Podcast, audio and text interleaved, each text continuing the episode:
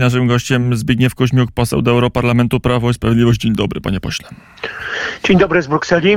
E, z Brukseli, ale najpierw do polskiego Sejmu, bo dużo się dzieje w polskim parlamencie. Jutro wystartuje e, posiedzenie Sejmu, ale już teraz, kiedy my rozmawiamy w gabinecie marszałek Sejmu Elżbiety Witek, trwa spotkanie e, pani marszałek z wicepremierem Mariuszem Błaszczakiem i ministrem spraw wewnętrznych i administracji Mariuszem Kamińskim, a w tle huczą plotki o tym, że być może odejdzie, to takie plotki bardzo oficjalne, że odejdzie szef kancelarii premiera, pan minister Michał Dworczyk, a może i sam premier będzie zmieniony, być może na panią marszałek Elżbietę właśnie. Cóż się dzieje, panie pośle, za kulisami partii rządzącej? Panie redaktorze, no takich sensacji w ciągu siedmiu lat naszego rządzenia było już naprawdę wiele. Podejdźmy do tego nam spokojnie. E, z tego, co publicznie mówi prezes naszej partii, e, absolutnie pozytywnie ocenia działalność pana premiera i nie zamierza a dokonywać... Właśnie, nie absolutnie, tylko pozytywnie. Jeżeli ktoś się wsłucha, a pan poseł pewnie wsłuchuje się jeszcze bardziej wnikliwie niż ja w wypowiedzi prezesa partii rządzącej na temat premiera, to wyraźnie widać, że poziom entuzjazmu osłabł. Nie, nie mierzę poziomu entuzjazmu prezesa Kaczyńskiego, no ale staram się słuchać to, co mówi podczas objazdu kraju na tych kolejnych spotkaniach. I ponieważ to są bardzo długie wypowiedzi e, prezesa, często godzinne, e, tam zawsze są jakieś fragmenty poświęcone premierowi Morawieckiemu i działalność premiera Morawieckiego w tych wystąpieniach publicznych prezes ocenia pozytywnie, więc... Ale pojawiały się takie wstawki, których nie było kiedyś dla Radia Wrocław. Jarosław Kaczyński mówi, kwestia węgla to jest kwestia być albo nie być dla premiera Mateusza Morawieckiego. To już Panie takie redaktorze, ja myślę, słowa. że nie ma problemu węgla. Radio Wnet i pan redaktor powinien do tego podchodzić bardzo spokojnie. Są inne rozgłośnie radiowe, inne media które powodują niepokój. Ja zdaję sobie oczywiście to sprawę, To na pewno, że... ale cena jest zatrważająca, jeżeli ten węgiel Ma pan jest... rację, no, panie redaktorze, no ale pan jest naprawdę bardzo sprawnym dziennikarzem i doskonale wie, no jeżeli mamy duże kłopoty z podażą, a stały popyt, to w oczywisty sposób, jeżeli przyjmujemy, że w Polsce rządzi rynek, a rządzi rynek, no to, to cena rośnie, więc to jest normalne zjawisko. Natomiast jeszcze raz, mówi o tym także prezes Kaczyński. Rozumiem, że są ludzie, którzy nie mają żadnych zapasów węgla i w związku z tym oni muszą kupić ten węgiel natychmiast, bo sezon grzewczy w zasadzie powoli się e, zaczyna. Ale nie muszą go kupić pa, parę ton, bo potrzebny im na, na najbliższy miesiąc może tona, może półtorej tony, a za, pół, za miesiąc, dwa miesiące ten węgiel będzie tańszy, ponieważ tego węgla płynie mnóstwo ze wszystkich kierunków świata i jeżeli zwiększy się podaż, to automatycznie cena spadnie. To, to, to oczywiste dla każdego, dlatego proszę, żeby, żeby no jednak podchodzić do tego spokojnie i namawiam wszystkich słuchaczy, którzy opalają swoje domy węglem, żeby podeszli do tego spokojnie, korzystali z zapasów, jeżeli je mają, jeżeli nie mają, to kupili nawet ten po, po, po wysokich cenach, ale trochę, tyle ile im potrzeba na najbliższy miesiąc, a nie ulega wątpliwości, że ten kupowany w listopadzie czy w grudniu będzie wyraźnie tańszy od tego, który sprzedaje się na rynku obecnie. Trzymam pana posła za słowo, bo już były takie deklaracje, że ten węgiel będzie, będzie tańszy, a on jak na razie cały czas idzie do góry i spaść nie chce, no, chociaż transporty z węglem faktycznie przyjeżdżają dzisiaj nagrania pociągów, ale taki pociąg z węglem to kropla w morzu konsumpcyjnych potrzeb Generalnie społeczeństwa polskiego. panie redaktorze, w ostatnich latach, to znaczy gospodarstwa domowe zużyły, zużywały około 10 milionów e, ton tego węgla.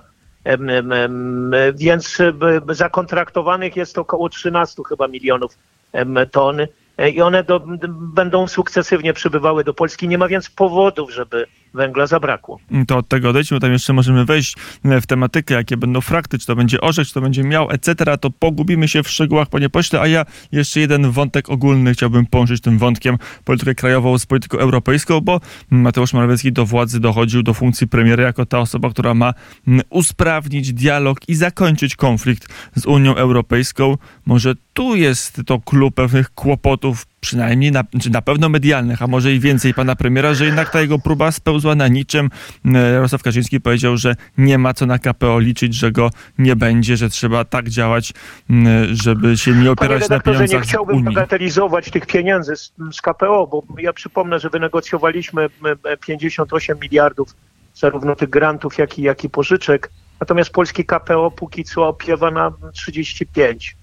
A więc na sporą część tych pieniędzy już w momencie, kiedy składaliśmy KPO, a więc w tamtym roku latem, nie było zapotrzebowania. Nie było zapotrzebowania ze strony potencjalnych beneficjentów, bo to jest dosyć trudny pieniądz. To po pierwsze. E, po drugie, jeżeli pan by przyjrzał się temu, jakiego rodzaju finansowanie dla samorządów zostało uruchomione w ostatnich kilkunastu miesiącach, mam na myśli te środki z BGK, te inwestycyjne, precyzyjne pieniądze inwestycyjne, to sumarycznie tych pieniędzy uruchomiono na różnego rodzaju przedsięwzięcia z drogami włącznie około 80 miliardów złotych w ciągu kilkunastu ostatnich miesięcy. A te 150 miliardów złotych z, KPO to są pieniądze na 6 lat, do 26 roku włącznie. Więc tak naprawdę przekazaliśmy samorządom pieniądze inwestycyjne znacznie większe w tej chwili przez te kilkanaście miesięcy niż są w KPO. Co więcej, muszę panu powiedzieć, że te inwestycje finansowane w ramach tych środków z BGK, e, one mają finansowanie na poziomie 80-90% kosztów. Pieniądze natomiast unijne to jest około 50% kosztów kwalifikowanych.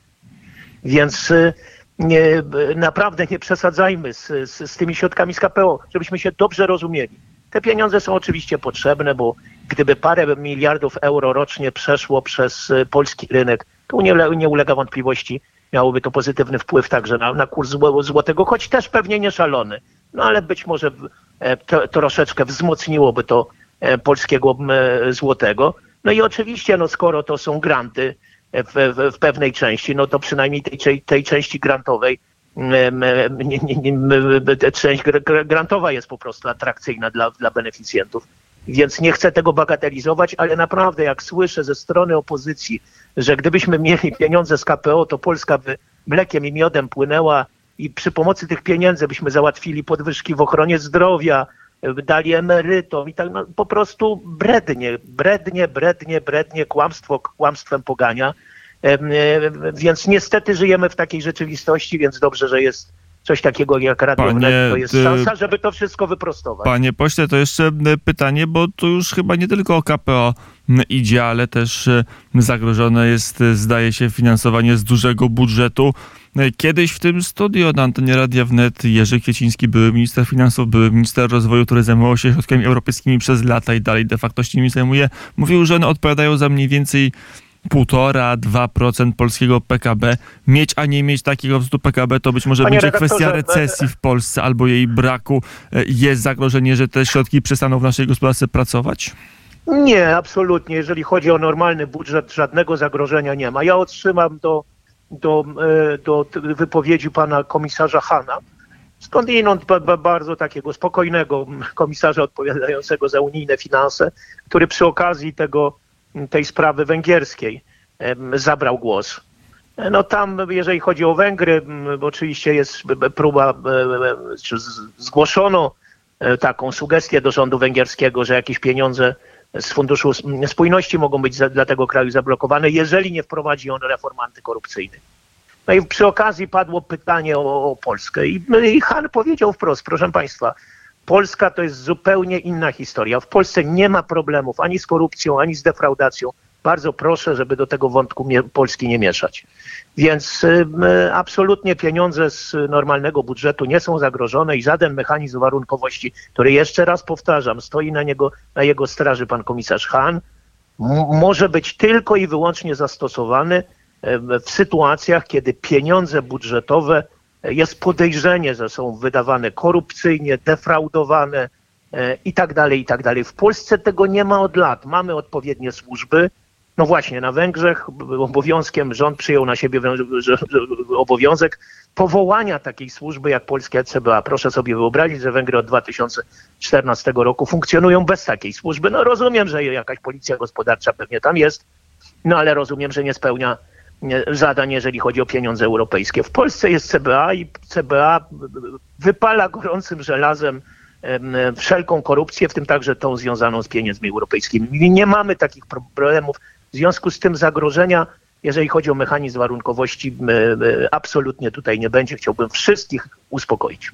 Mm, to panie pośle, na koniec jeszcze kwestia mm, dzisiejszych uroczystości, otworzenie Baltic Pipe, już o tym dużo e, mówimy. To jest jakaś historyczna data. Na ile konkretnie dla zwykłego konsumenta gazu, wedle różnych badań, to mniej więcej jedna czwarta Polaków opala swoje e, domy kotłem na, e, na gaz, reszta to węgiel, drewno, ciepło systemowe, trochę jeszcze bardzo mało prądem czy pompą ciepła, ale ta, ta jedna czwarta, czy ona odczuje w swoich rachunkach jakkolwiek to, że dzisiaj uruchomiono Baltic Pipe?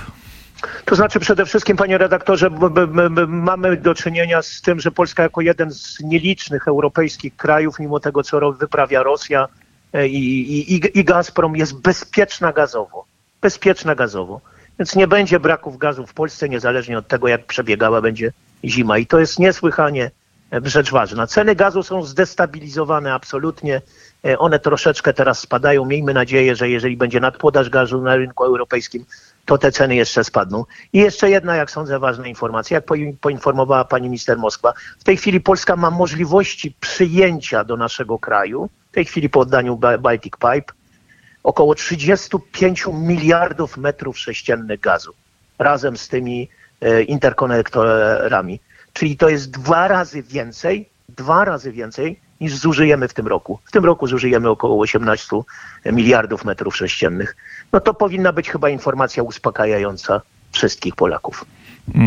To jest jeden element uspokojenia, a kwestie zapełnienia tej rury też budzą wątpliwości, na ile uda się za w przyszłym roku, w jeszcze następnym sprawować to, żeby faktycznie to tym gazociągiem płynęło 10 miliardów metrów sześciennych? Jeżeli będzie potrzeba 10 miliardów metrów sześciennych, to tyle będzie tym gazociągiem płynąć. Na szczęście gazu jest aż nadto ta panika, która została wywołana przez Rosjan, myślę, że już tej zimy się uspokoi. E, Amerykanie zwiększają wydobycie. Myślę, że świat w ogóle powróci do gazu łupkowego. E, ta zielona rewolucja zostanie trochę przyhamowana i gazu będzie pod dostatkiem, a jego ceny, no może nie zejdą do tego poziomu sprzed wojny, ale na pewno będą znacznie niższe niż obecnie.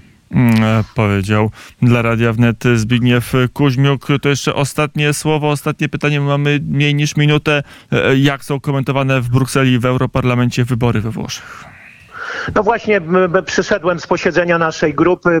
Winszowaliśmy braciom Włochom e, ogromnego, ogromnego sukcesu. Będą tworzyć rząd. Już w listopadzie pani Meloni na posiedzenie Rady Europejskiej przyjedzie i myślę, że bardzo poważnie zmieni sposób e, dotychczasowego jej funkcjonowania, a pani von der Leyen raczej będzie e, odbierać sugestie, co komisja ma robić, niż sugerować krajom członkowskim, co one mają robić. Mm, e, I będzie inaczej także wyglądać wyglądać dyskusja na posiedzeniach Rady To prawda, jesteśmy, panie redaktorze, te pięć krajów, w których powstaną, są i powstaną rządy prawicowe, są blisko tak zwanej mniejszości blokującej. Myślę, że parę mniejszych krajów się odważy także występować. To zmieni w ogóle funkcjonowanie Rady Unii Europejskiej. Świadomość, że jest grupa krajów, która ma mniejszość blokującą w każdej sprawie, moim zdaniem, musi zmienić sposób funkcjonowania instytucji unijnych, szczególnie Rady Unii Europejskiej i Rady Europejskiej. Powiedział Zbigniew Kuźmiuk, poseł do Europarlamentu Prawo i Sprawiedliwość. Dziękuję bardzo za rozmowę. Do usłyszenia. Dziękuję bardzo.